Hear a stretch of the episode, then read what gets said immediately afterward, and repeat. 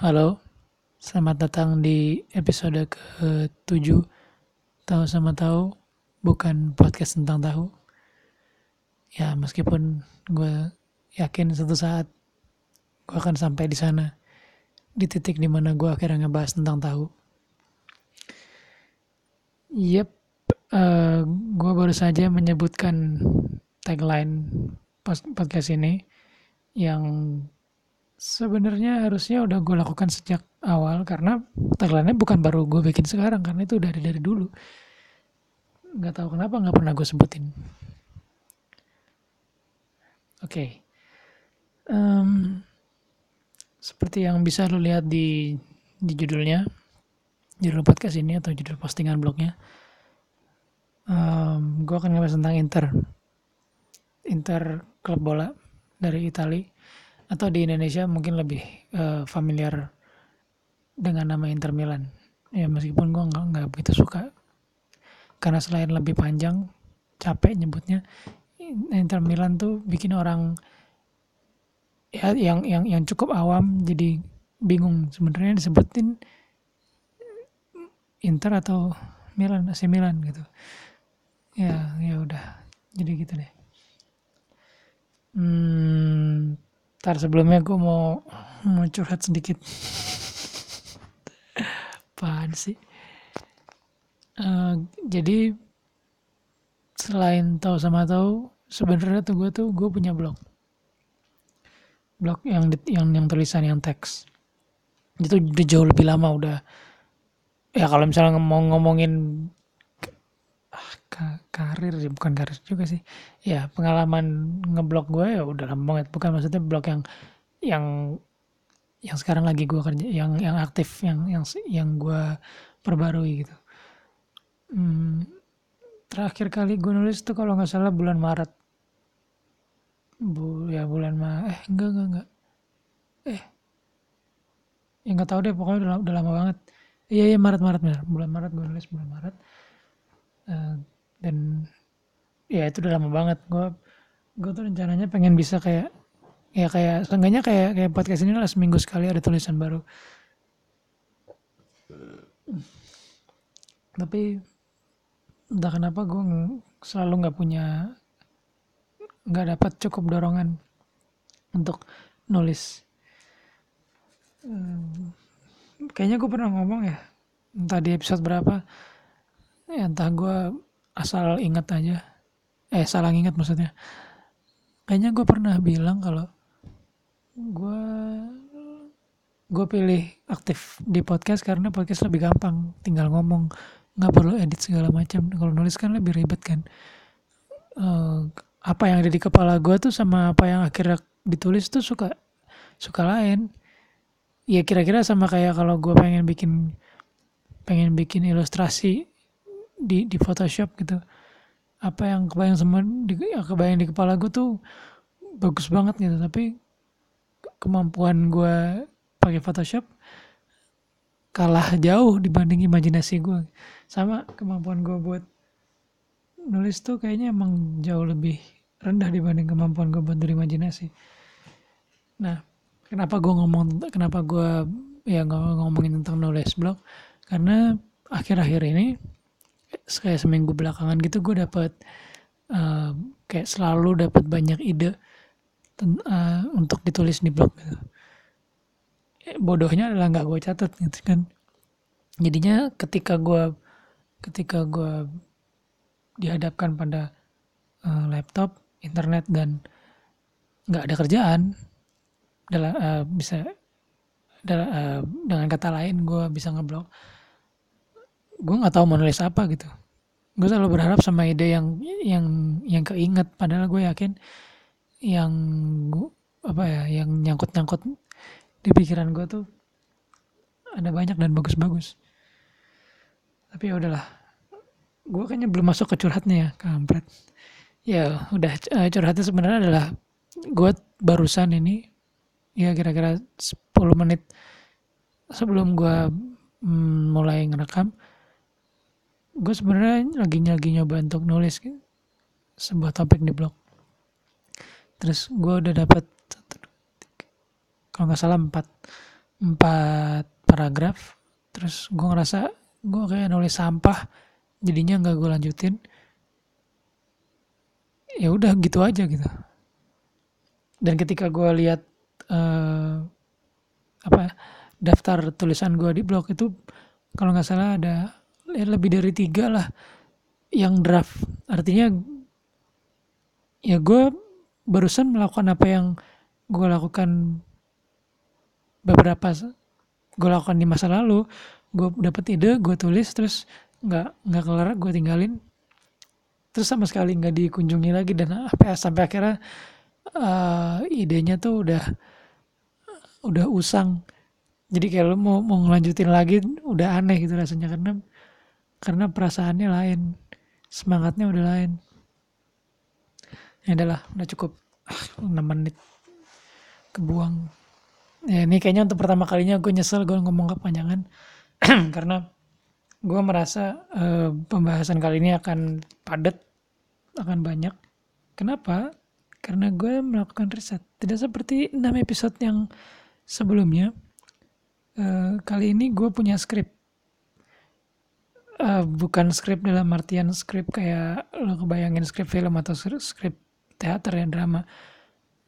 Ini cuma cuma catatan doang poin-poin gitu tentang apa yang harus gue bahas. Ya yang gue omongin sih tetap tetap spontan. Uhuy. tapi hmm, ya ini ini biar gue nggak biar gue nggak kayak kemarin-kemarin gue gue bingung mau ngapain gitu. Nggak profesional banget meskipun ini bukan podcast profesional juga sih tapi ya kan harapannya nanti jadi profesional oh, oke okay, dah kita kita masuk aja ke pembahasan tentang Inter. Dung dung dung dung dung dung. Um, Oke, okay, uh, eh, pembukaan dulu. Tadi udah gue sebut bahwa Inter adalah klub bola dari Italia. Um, mungkin perlu diperdalam sedikit. Hmm, eh enggak atau nggak usah. Dika ini maunya apa sih? Oke, jadi gini. Biasanya kalau orang ngebahas atau mengulas tentang klub tentang bola tentang klub bola itu tuh konteksnya pasti kompetisi. Um, kayak hasil pertandingan analisis pokoknya semua yang ada hubungannya sama apa yang dilakukan sama tim itu di lapangan. Atau kalau bukan analisis eh atau bukan kalau bukan konteks kompetisi bisa juga uh, gosip. Bursa transfer perpindahan pemain. Pemain ini bakal pindah ke mana, tim ini ngincar siapa, uh, pelatih ini mungkin bakal dipecat apa enggak? Dalam waktu dekat, tim ini mau nyari pelatih baru. Siapa aja kandidatnya? Gitu-gitu. Itu itu aja sih. Setahu gue topik yang yang dibahas kalau ngomongin bola ya seenggaknya. Nah tapi gue dengan semangat podcast ini ya tentunya gue gak akan ngebahas itu ya karena karena emang di sini lo nggak akan denger konten yang yang umum yang mainstream kayak gitu. Gue akan akan menggali topik-topik yang jarang dibahas orang. Di ya kalau lu kalau lu fans bola ya lu mungkin tahu tahu lah sisi-sisi ini dari dari dari dari bola. Cuma target gue kan target audiens gue kan bukan cuma fans bola gitu kan. Lo yang denger ini mungkin bukan fans bola uh, itu satu. Kedua karena uh, ini alasannya cemen nggak cemen sih. Uh, gue juga nggak mau ngebahas sebentar gue minum dulu. Gue nggak mau ngebahas Inter uh, dalam konteks kompetisi karena uh, kompetisi ataupun transfer gosip. Karena saat ini performa mereka sedang ancur-ancuran kalah berapa lima atau enam kali beruntun minggu kemarin. Cuma terakhir ini menang aja. Dan menangnya dari Lazio. Nanti akan gue bahas tentang itu. Tenang aja. Maksudnya kenapa gue nyebut menang tapi menangnya lawan Lazio? Ini ada hubungan sama apa yang nanti akan gue bahas. Um, ya ngomong Lazio itu juga klub bola dari Italia ah, capek banget ngomong sama yang ngerti. Um, oke. okay. Seperti banyak hal ya seperti layaknya cerita-cerita yang bagus semua dimulai dari sejarah. Dalam hal ini gue akan cerita tentang uh, sejarah gue dan Inter. Bagaimana gue bisa kenal klub ini gimana gue bisa uh, jadi jadi fansnya. Gitu-gitu. Tapi singkat aja karena banyak banget ternyata yang mau dibahas oke okay, uh, gue tahu Inter pertama kali waktu gue masih SD SD atau TK SD kayaknya. Ya Eh, sekitaran Piala Dunia 98 lah. Ya paling kalau paling lama tahun 96 atau 97 sekitar itu. Nah, perlu diingat uh, dekade 90-an itu di Indonesia orang taunya kalau bola tuh Liga Italia gitu ya kalau lo, kalau lo belum lahir atau belum belum gede di zaman itu ya bayangin aja Liga Inggris sekarang kayak apa nah tahun 90-an tuh Liga Italia kayak gitu sampai awal 2000-an tuh Liga Italia kayak gitu Liga Italia adalah uh, liganya orang Indonesia.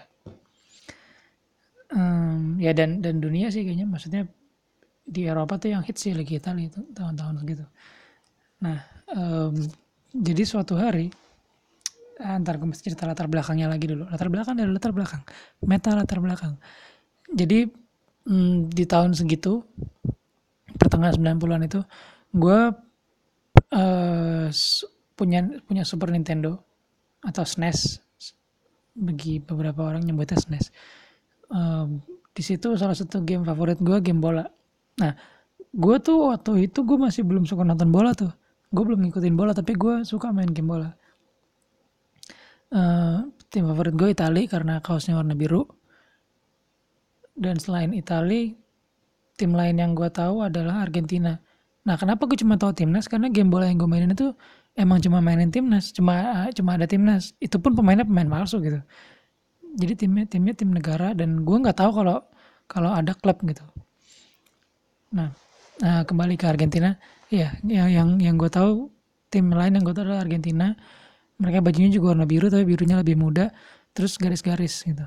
Garisnya tuh sama putih. Ya pokoknya ada garis-garis lah. Nggak polos kayak Italia gitu. Oke okay.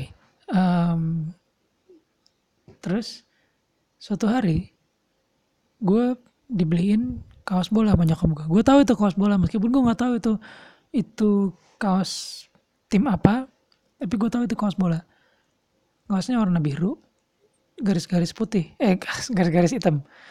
Jadi orang-orang biru hitam gitu.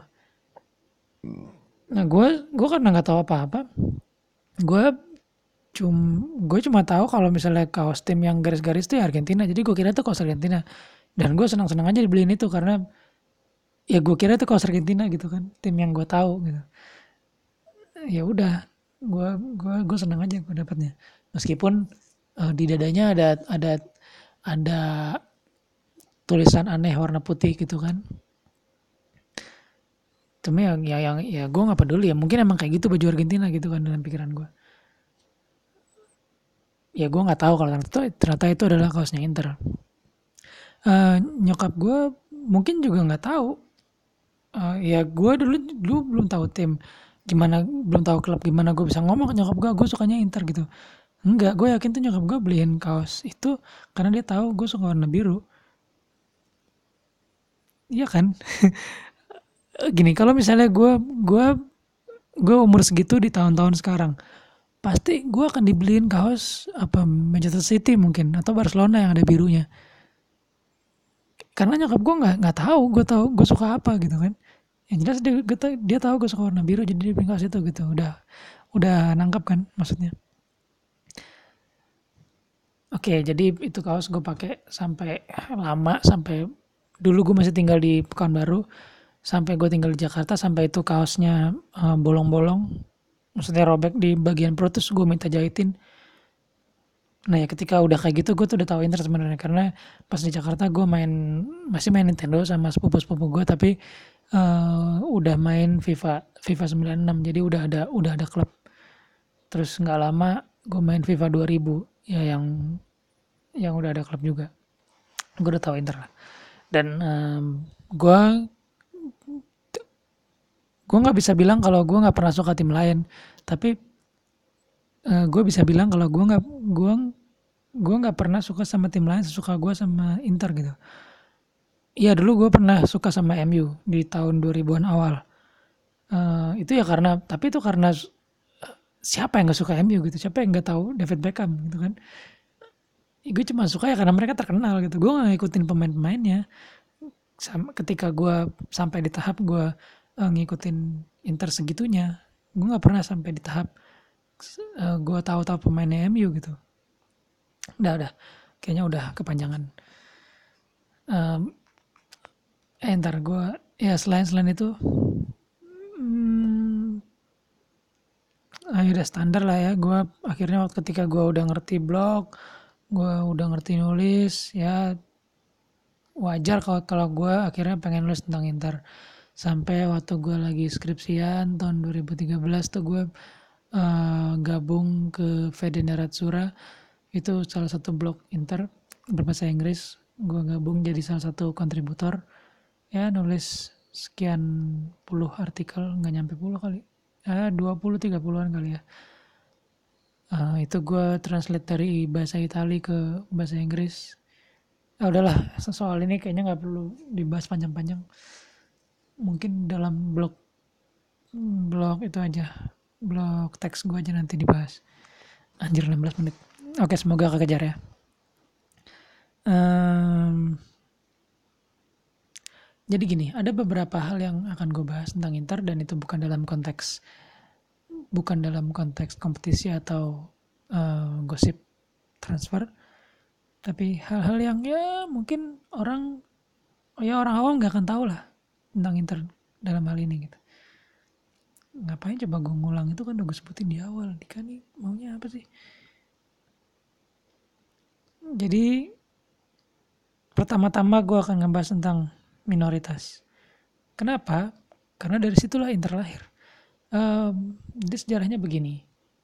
Kalau kalian tahu Inter mungkin kalian juga tahu Milan ya AC Milan. AC Milan ya seperti Inter juga berasal dari kota Milan tapi mereka lahirnya lebih awal. 9 tahun lebih tua. Jadi um, ketika itu AC Milan kalau nggak salah namanya masih Milan Cricket and Football Club adalah satu-satunya klub bola di uh, kota Milan.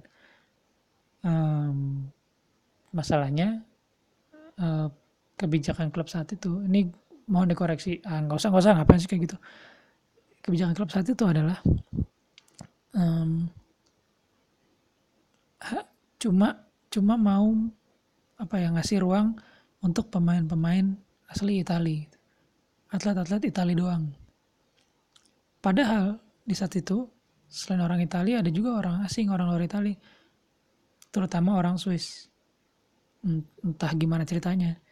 Tapi Swiss sama Itali dekat sih. Ya nggak penting lah.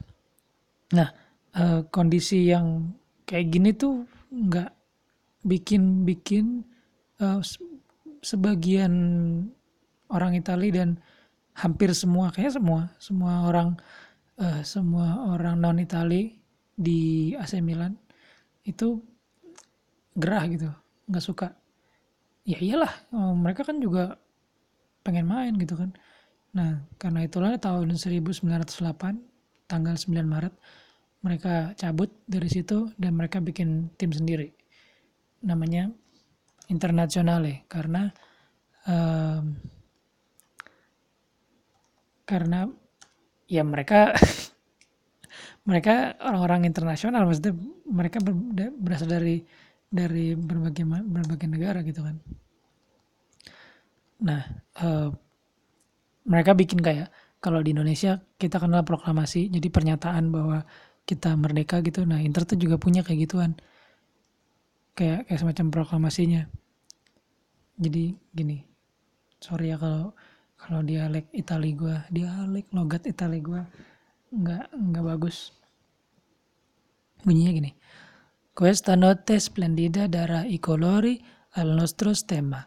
Il nero e l'azzurro sullo sfondo d'oro delle stelle. Si chiamerà internazionale perché noi siamo fratelli del mondo.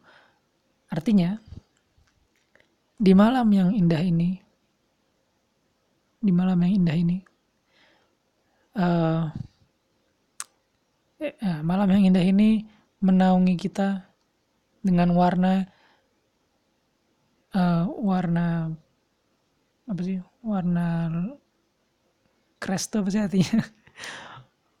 Warna lambang kita. Hitam dari langit yang malam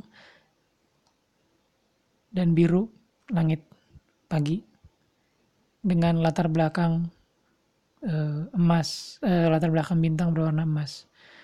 Um, kita akan menyebut perkumpulan ini klub ini internasional karena kita adalah brothers of the world. Gimana tuh Indonesia ini? Repot kan? Ya brothers of the world. Karena kita adalah saudara kita adalah sesama di dunia ini.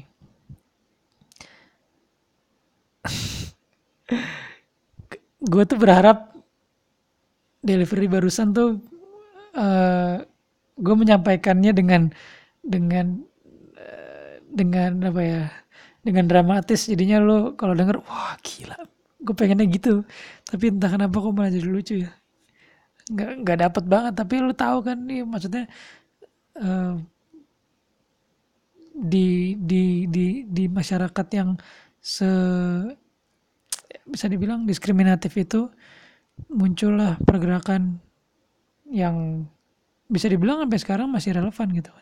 Apalagi apalagi terutama di di di era sekarang ini uh, di saat diskriminasi lagi hotnya lagi karena politik ya diskriminasi dan politik selalu berjalan bergandengan tangan. Tapi ya gitulah. Um, pendiri Inter itu uh, gimana ya? Uh, eh, gue akan menyampaikan dengan lebih baik sorry. Jadi gini. Indah nggak sih kalau uh, se ya sebuah perkumpulan dibuat untuk memberikan ruang untuk memberikan kesempatan yang sama untuk setiap jenis manusia nggak nggak terbatas apa pun nggak terbatas. Uh, warga negaraan atau agama mungkin warna kulit segala macam. Enggak itu itu nggak relevan gitu. Yang relevan adalah apakah lu mau main untuk klub ini? Apakah lu pantas untuk main di klub ini? Apakah lu pantas untuk berada di di bersama kami gitu? Ya pantasnya dalam dalam dalam ukuran skill main itu aja gitu itu itu itu prinsip yang harusnya dipegang di semua hal gak sih? Kayak ya sorry ya kalau gue agak-agak politis nih. Ya kayak yang kita orang Indonesia alami uh, belum lama ini di di Jakarta gitu. Ya untuk untuk uh, pekerjaan itu gitu untuk jabatan itu ya tolak ukurnya hanyalah apa kalau pantas eh, tolak ukur batasannya hanyalah kemampuan. Lu bisa atau enggak lu sanggup atau enggak. Bukan yang lain yang yang itu nggak akan ganggu kinerja gitu. Ya pemain bola uh, mau mau putih mau hitam mau kuning mau merah uh, itu warna kulit mereka tuh nggak nggak bikin mereka lebih jago atau lebih nggak jago gitu kan. Ya meskipun ada ada lah stereotip kayak kalau pemain yang hitam tuh mereka larinya kencang gitu. Tapi kan itu enggak bukan karena bukan karena dia kulitnya hitam maka larinya kencang gitu. Karena ada juga kan yang enggak gitu. Ada juga yang putih larinya kencang kan itu enggak relevan gitu. Dan Inter tuh eh, dan itu kan isu yang sebenarnya sekarang banget gitu kan kekinian gitu. Inter tuh udah udah melakukan itu dari dari dulu. Dan indah banget kan kita kayak ngelawan ya kita tuh seakan-akan gue cuma ngomong ke fans Inter doang. Ya jadi Inter tuh melawan diskriminasi kayak Inter adalah the good guys terus Milan tuh bad guysnya gitu. Gue seneng sih ngebayanginnya. Oke okay, um, jadi itu Inter dan minoritas. Ada lagi sebenarnya kisah uh, yang terkait sama Inter dan minoritas. Uh, jadi kalau nggak salah tahun 2003 ya atau 2004 ya sekitar itulah awal tahun 2000-an uh, eh, itu kapten legenda atau uh, penjelmaan manusia dari ide bernama Inter. Ngomong apa sih gue ya embodiment dari dari Inter Javier Adelmar Zanetti. Itu kalau lo tahu ya dia lo bisa googling dia tuh siapa. Dia adalah pemain Inter mantan udah udah pensiun tahun 2014 dia adalah kapten dulu tahun 99 sampai dia pensiun. Uh, Zanetti itu adalah um, salah satu pemain bola paling bersih di dunia. Maksudnya bersih itu um, bersih itu artinya dia mainnya mainnya nggak eh, nggak uh, suka bikin pelanggaran sampai dapat kartu gitu. Uh, sepanjang karirnya dari tahun berapa dia tuh main di Inter kan dari tahun 95 sampai 2014 19 tahun. Ya ya segitulah. Aduh gue gue malas ngitung. Itu dia hanya dapat kartu merah satu.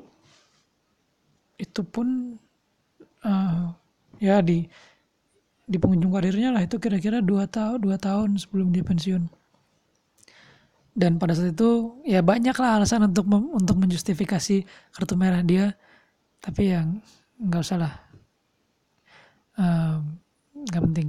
Selain dia adalah adalah pemain yang bersih dia juga adalah pemain yang sangat fit terutama untuk untuk ukuran usianya ya. Di umur 40 ya 30 pertengahan 30-an itu dia dia masih bisa lari lawan pemain yang umurnya 25-an gitu.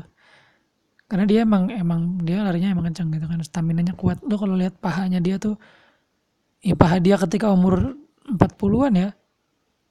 Ya 39 40 itu sama Cristiano Ronaldo juga bisa dibandingin kali. ya seluar biasa itu uh, oke okay, balik ke minoritas jadi Zanetti ini dia kan dia punya dia punya jiwa sosial yang tinggi. Hmm, itu tergambar itu terlihat dari dia tuh punya uh, apa sih namanya yayasan anak-anak yang nanti akan gue bahas sih. Um, atau sekarang aja. Nanti aja nanti aja habis ini. Uh, dia punya punya yayasan buat anak-anak dan uh, di, dia juga peduli sama isu, isu sosial terutama di Amerika Selatan. Dia orang-orang Argentina. Jadi um, Zanetti itu tahun 2003 tadi gue sebut di awal dia awal-awal tahun 2000-an itu dia tahu tentang gerakan Zapatista di Meksiko. Jadi Zapatista itu adalah um, dia sebenarnya gerakan Hmm, bisa dibilang separatis kali ya enggak separatis juga. Mereka tuh uh, libertarian communism anarko komunisme anarkis komunis mereka uh, anarkis komunis tuh mereka nggak menghendak mereka komunis tapi tidak menghendaki adanya pemerintahan gitu. Anarkis kan nggak ada pemerintahan. Jadi sebenarnya mereka tuh mau ya mungkin mis misinya gue tadi baca sedikit-sedikit aja tentang Zapatista. Um, sebenarnya tujuannya mereka tuh mau mempertahankan uh, mempertahankan eksistensi mereka sebagai orang asli Meksiko gitu.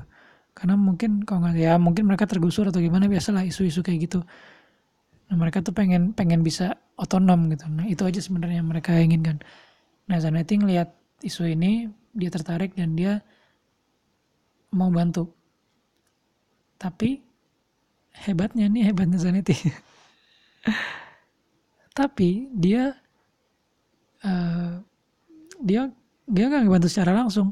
Dia bisa ngompor-ngomporin Inter, Inter ya sebagai sebagai sebagai sebuah uh, apa organisasi itu ngebantu Zapatista. Jadi uh, jadi Zanetti, jadi bukan bukan Zanetti yang kayak gini. Kalau misalnya Zanetti yang yang nyumbang dan itu misalnya gini um, misalnya uh, pemerintah Italia nggak nggak setuju sama gerakan separatisme atau nggak setuju sama sama komunisme. Terus Zanetti sendiri nyumbang. Itu bisa bisa yang disalahin bisa Zanetti doang tapi masalahnya dia dia bisa bikin Inter yang yang yang ngasih sumbangan gitu. Iya menurut gue itu gila sih. Ya mungkin gue gue nggak nggak setuju sama sama ide separatisme atau ya ya ya pemberontakan gitu di sebuah negara gitu ya. Uh, tapi gue gue setuju sama kayak uh, hak-hak setiap orang tuh ya harus dipenuhi gitu. Mau dia orang asli mau dia bukan orang asli. Gue rasa sih yang yang menyentuh Zanetti adalah itunya sih. Dia dia bukannya setuju sama sama komunismenya atau atau ideologi politiknya secara umum tapi ya lebih kalau lebih karena um, dia merasa orang-orang itu tertindas gitu.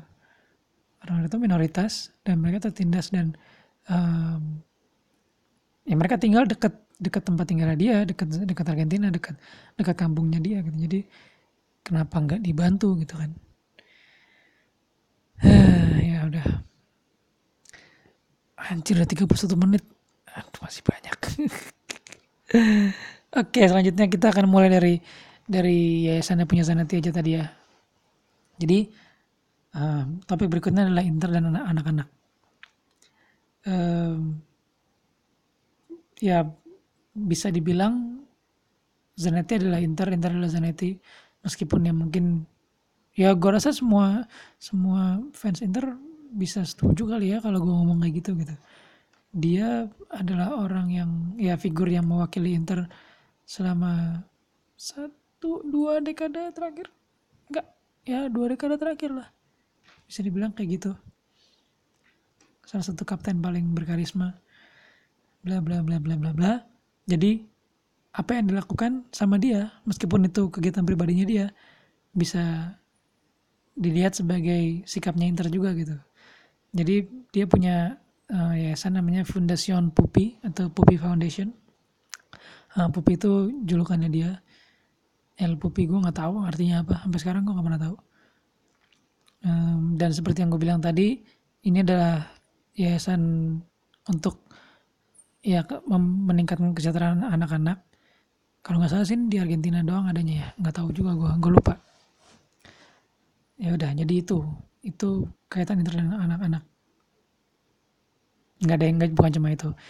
Jadi um, Inter tuh punya punya program namanya Interkampus interkampus itu ya lagi-lagi fokusnya ke anak-anak.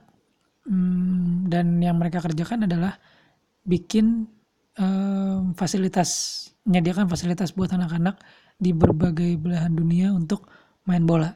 Jadi mereka ngasih bikin tempat latihan ngasih bola ngasih baju eh ngasih ya ngasih ngasih jersinya terus ada pelatihnya juga dikirim ke sana buat main gitu. Dan itu ya udah ada di, di kalau gue lihat di petanya sih hampir di semua benua kecuali Australia. Jadi um, paling banyak sih di Eropa nih kalau gue ngeliatnya ya. Di Amerika juga banyak di Afrika banyak. Di Asia cuma ada um, cuma ada lima negara. Indonesia nggak termasuk nah selain selain selain untuk jadi gini uh, dengan main bola gitu Inter mencoba untuk mem, selain bikin mungkin bikin mereka lupa sama kondisi kehidupannya ya kan fokusnya ke sebenarnya ke ke anak-anak yang susah gitu ya ke daerah-daerah konflik ke daerah-daerah miskin gitu.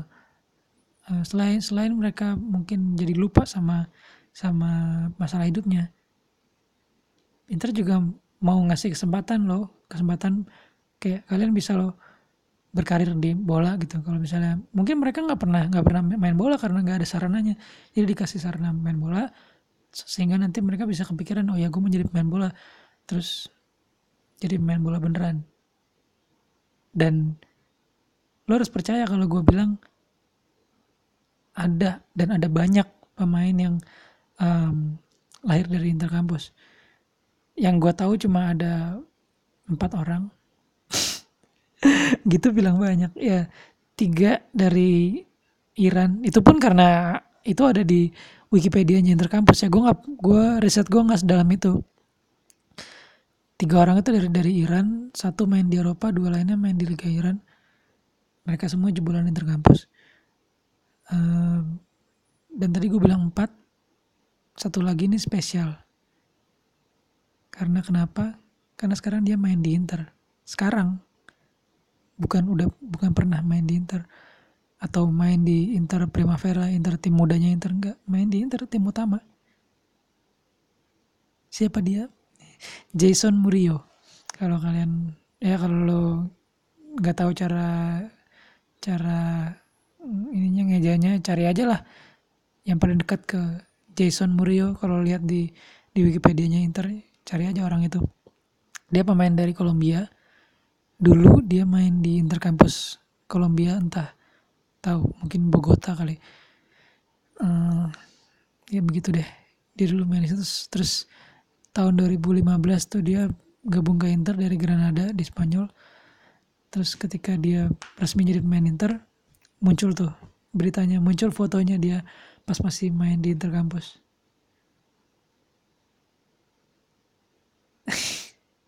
ya lagi-lagi ya, gue mau nanya ini indah gak sih kayak gitu? Inter kampus tuh bukan bukan apa ya dia bukan sekolah bola yang yang lo kalau mau mau masuk mesti bayar atau nanti apa namanya lu akan lu diarahkan untuk jadi profesional enggak. Interkampus tuh benar-benar proyek sosial. Cuma untuk cuma cuma cuma ngasih ngasih kesempatan main bola aja gitu syukur-syukur kalau jadi pemain bola syukur-syukur kalau jadi suka bola ya.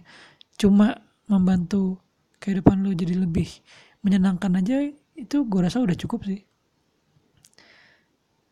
Hmm, ya gue rasa itu uh, Inter dan anak-anak Interkampus dan Fundasion Pupi uh, lanjut berikutnya adalah um, tadi udah gue sempat sebut di awal Inter sebagai good guys bukan cuma karena mereka mau melawan diskriminasi ada contoh uh, bukan ya contoh uh, betapa besarnya jiwa Inter sebagai sebuah klub terhormat. Jadi gini, um, tahun dekade 1940-an, tahun 43 sampai tahun 49, 48, itu ada yang namanya Il Grande Torino.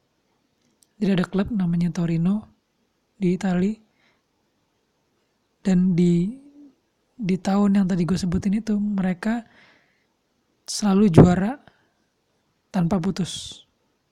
Tahun dari tahun 43 sampai tahun 49. Mereka juara terus. Juara berturut-turut. Oke.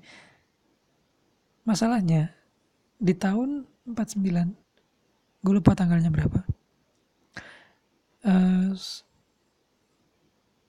mereka kecelakaan pesawat.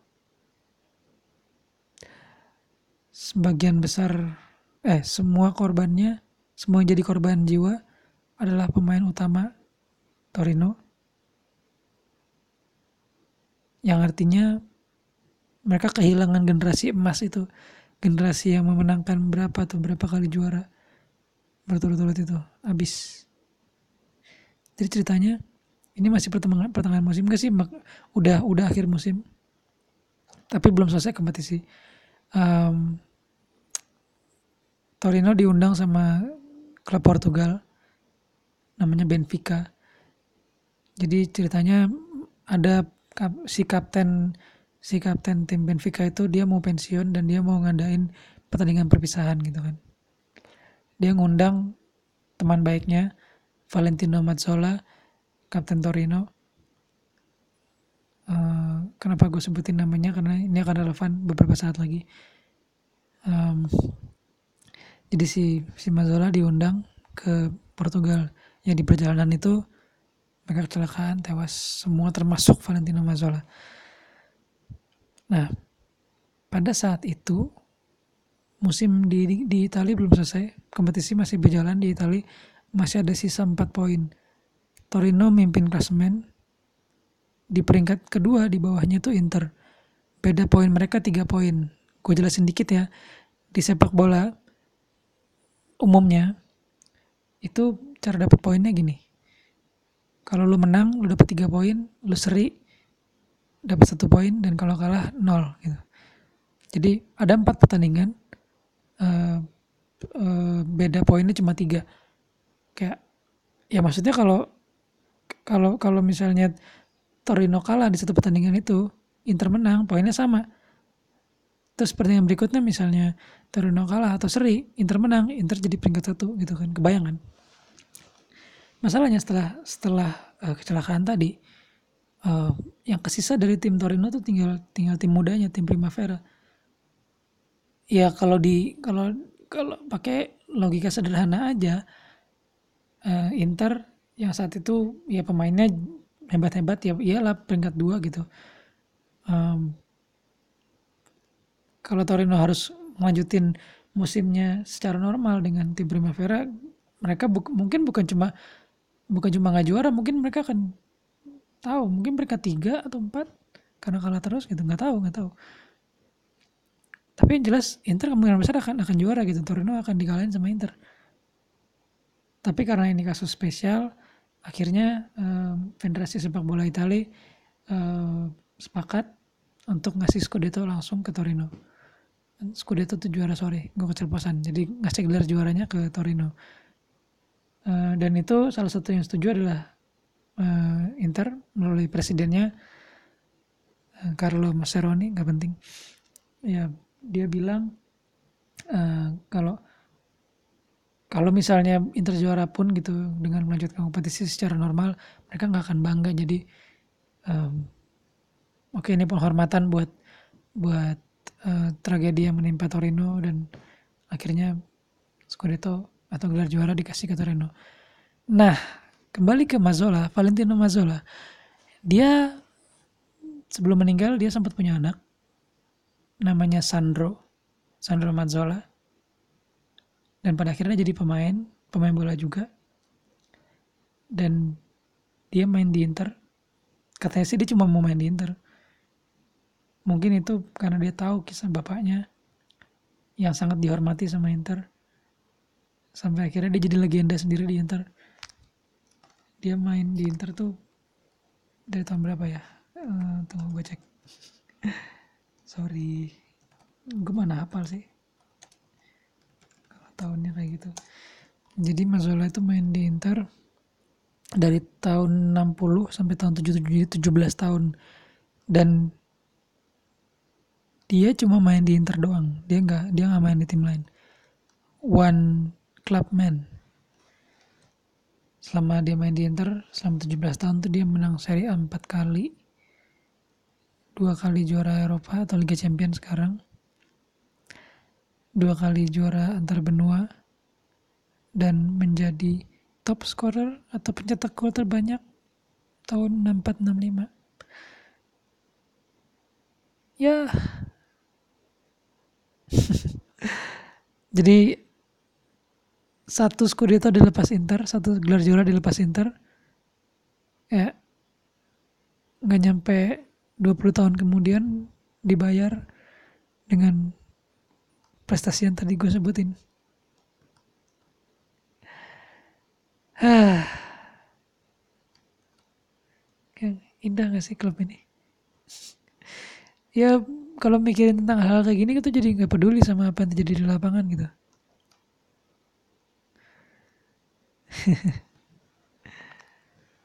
Oke, okay, 43 menit. Gue baru ngebahas 3. Padahal masih ada. Oke, okay, sebenarnya ini dua sih tapi bisa gue gabung lah. Jadi sebenarnya kalau kita membicarakan sepak bola Italia itu kita nggak bisa melepaskan uh, dari yang namanya politik. Uh, seperti yang kita semua ketahui, uh, dulu hmm, ya zaman zaman perang dunia kedua itu Italia kan dikuasai sama sama rezim fasisme Benito Mussolini. Dan si Mussolini ini pintar dia tahu bahwa sepak bola itu adalah uh, hiburan masyarakat. Jadi meskipun dia nggak suka bola dia dia menggunakan bola untuk bikin orang setuju sama ide-idenya dia ide-ide fasismenya dia Inter termasuk korban dalam artian uh, sejak berdiri sampai akhirnya Mussolini naik Inter ya Inter gitu. Orang taunya Inter tuh namanya Inter internasional ya. Tapi saat saat Mussolini ber berkuasa dia uh, apa yang ya ngatur-ngatur gitu ngatur-ngatur persepak bolaan Itali dan Inter diganti namanya beberapa kali ganti nama gitu. Uh, pernah namanya jadi Unione Sportiva Milanese terus Società Sportiva Ambrosiana sampai harus uh, dari bajunya warna biru hitam itu berubah jadi putih warna putih terus di tengahnya ada salib warna merah sempat ganti jadi kayak gitu. Dan menariknya tahun 2008 ya itu kaos salah satu jersinya Inter jersey away-nya jersey versi kalau main di di luar kandang. Gue harus jelasin gak sih maksudnya kandang di bola tuh apa? Ya udahlah pokoknya ya lo tahu baju bola tuh gak cuma satu jenis satu klub tuh setiap klub minimal punya dua jenis baju punya dua jenis kostum. Dan salah satu kostumnya Inter tahun 2008 tuh sama kayak kostum mereka pas pas jadi Ambrosiana itu. Warna putih dengan salib warna merah. Gue nggak tahu kenapa gue ngebahas ini. Nggak penting buang waktu. Oke okay. politik uh, jadi gini uh, secara secara historis sebenarnya Inter tuh nggak nggak punya afiliasi politik ya. Secara ya dalam tingkat klub gitu. Tapi di tingkat uh, di tingkat pendukung ada ada ada kecenderungan untuk ke arah kanan. Kanan tuh fasis. Kanan tuh ya apa ya uh, ya kalau karena mereka orang Eropa kayak mereka mereka mendukung uh, dominasi kulit putih terus ya gitu gitulah anti orang asing gitu gitu ya ironis sih. Ironis itu berdiri dari yang lahir dari para pluralis terus ada ada kelompok seperti ada, ada istilahnya ultras ya kalau di Italia itu kelompok supporter garis kerasnya namanya ultras uh, mereka afiliasinya ke kanan gitu. Um, nah tapi karena karena mereka pada kecenderungan ke situ Inter tuh jadi eh, supporter Inter punya punya pun, jadi punya hubungan yang unik sama supporter klub lain yaitu Lazio. Inilah kenapa tadi gue sebut tapi kalau dari Lazio. Ini ini menarik banget jadi di Italia itu ada nama ada ada yang namanya gamelaggio gamelaggio itu um, ya artinya bisa kembar ya. Arti arti literalnya kembar. Tapi sebenarnya kalau dalam konteks uh, kesupporteran bola uh, itu adalah persaudaraan antara dua kelompok supporter dari dua tim yang berbeda. Um, supporter itu sama supporter Lazio. Sebenarnya khususnya um, adalah dari Inter itu uh, Boys Sun. Sun SAN singkatan dari Squadra de Azione Nerazzurre gue gak tau artinya apa. Jadi Boys Sun. Dan dari Lazio itu namanya Iridicibili um, mereka dekat banget. Gimana ya? Saking dekatnya um, Iridicibili itu sampai sampai sampai bisa dibilang mereka mereka adalah supporter Inter gitu. Mereka mereka supporter dibanding dibanding dukung Lazio mereka le, le, mereka mereka suka lebih dukung Inter. Bahkan ketika Lazio lagi kesulitan gitu mereka akan dukung Inter. Segitunya. Nah um, sebagai gambaran ini ini ini kejadian nyatanya aja jadi tahun uh, di di musim 2001 2001 2002 uh, ketika itu Inter dalam posisi uh, hampir juara mereka uh, itu tuh itu lawannya Inter siapa ya 2002 tuh Roma apa apa Juve Ntar ya gue cek dulu ya, sorry. Jadi musim 2002 itu yang yang juara adalah Juve ya. Jadi jadi Inter lagi kejar-kejaran sama Juve, Inter peringkat 2, Juve peringkat 1. Hmm, terus di pertandingan terakhir ya nggak tahu juga uh, Inter ketemu Lazio. Kalau misalnya Inter menang, Inter juara. Kalau nggak salah gitu ya skenario nya. Yap, yap, yap, yap di pertandingan terakhir. Kalau Inter menang, Inter juara. Tapi akhirnya Inter kalah, kalahnya 4-2 dari Lazio. Dan bukannya cuma peringkat 2, Inter jadi peringkat 3. Peringkat 2-nya Roma. Nah, di saat itu um, supporter Lazio kesel, marah. Bayangin supporter Lazio marah karena Inter gagal juara dan mereka ultrasnya mereka mereka menuntut klub untuk mencat pelatihnya mereka saat itu. Bayangin bayangin ini klub lain. Ya klub lu tuh nggak diurusin. Ini lu supporter sebuah klub tapi lu kecewa karena klub yang lain itu nggak juara gitu. Sebenarnya sih karena karena mereka nggak mau karena kayaknya mereka juga benci Juve gitu ya benci benci Juve benci Roma. Mereka nggak mau nggak mau ngedukung nggak mau bikin rivalnya itu uh, berprestasi gitu. Gitu kan. Jadi ya apalagi Inter udah udah saudara mereka sendiri gitu. Kenapa nggak kenapa nggak didukung aja gitu kan. Nah uh, menariknya kira-kira 8 tahun kemudian Lazio tuh kayak belajar dari pengalaman. Jadi saat itu juga udah udah masuk ke akhir-akhir kompetisi kira-kira sisa empat pertandingan lagi lah. Uh, Inter ketemu Lazio. Dan um, kalau Inter kalah ya bukannya nggak juara tapi uh, pesaing terdekatnya saat itu Roma akan dapat angin.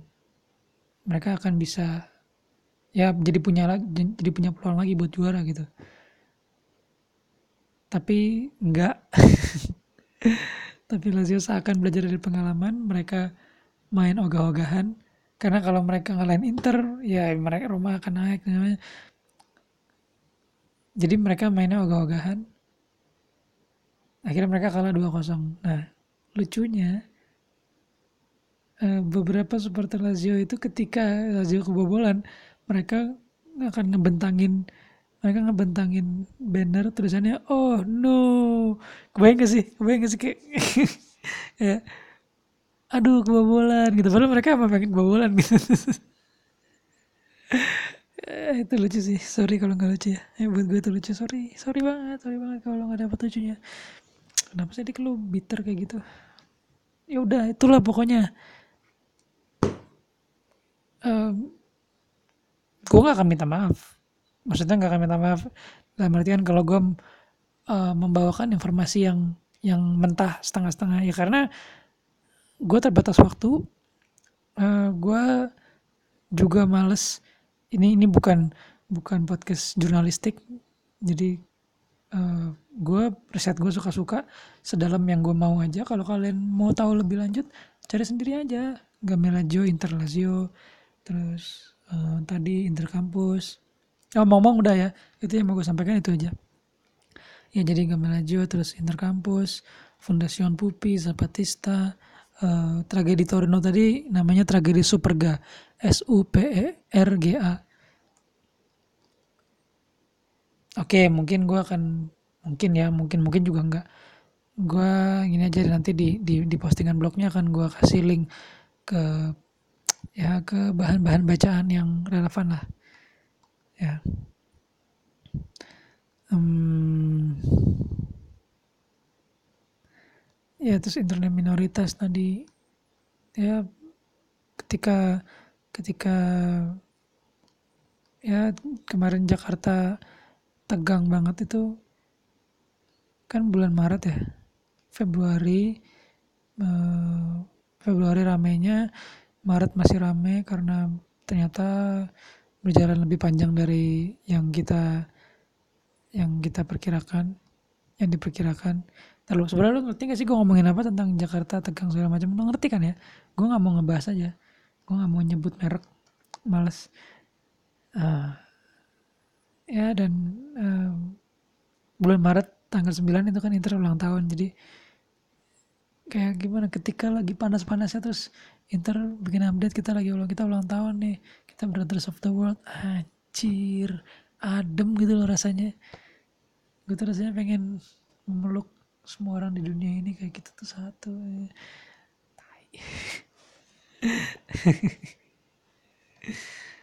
uh, gimana gimana gimana? Dari dari pemaparan gue yang yang yang dangkal dan dan nggak intelektual ini kalian dapat nggak gambaran kalau Inter tuh ya ya kalaupun nggak indah menarik lah seenggaknya untuk diketahui lebih lanjut gitu kan.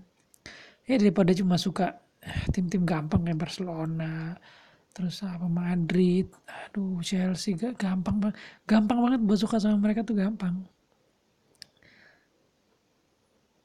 Lu ya lu cuma tinggal ngikutin hasil pertandingan aja. Hmm, terus kalau misalnya menang terus atau atau atau pemainnya terkenal Ronaldo dan Messi gitu kan.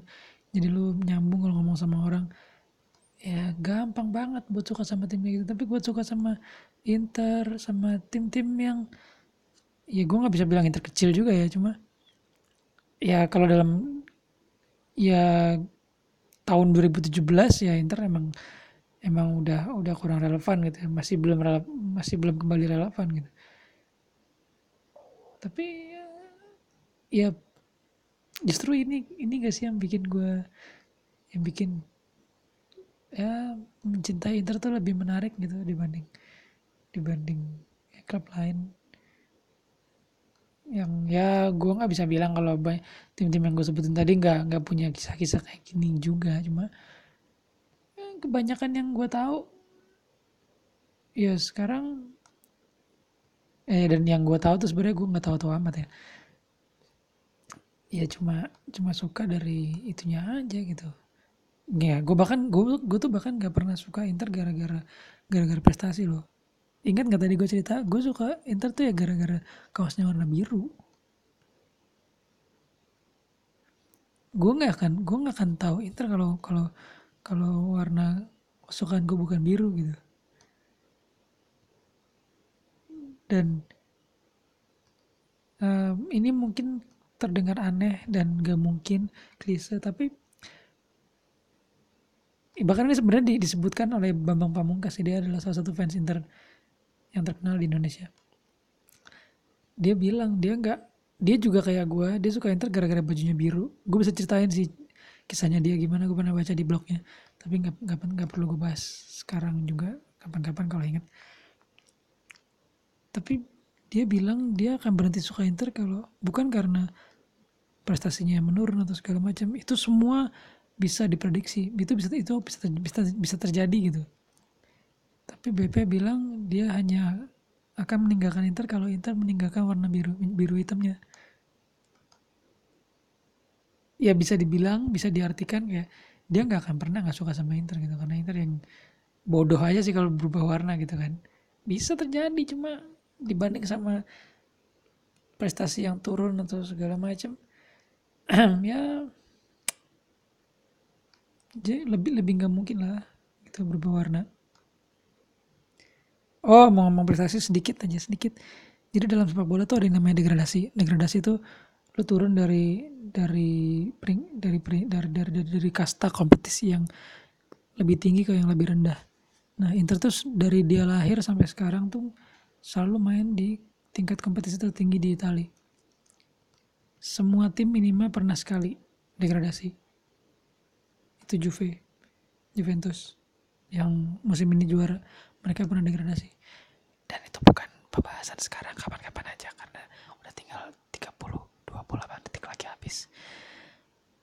Oke okay, um, sekian aja episode kali ini. Terima kasih udah mau denger sampai menit 59 47 detik ini.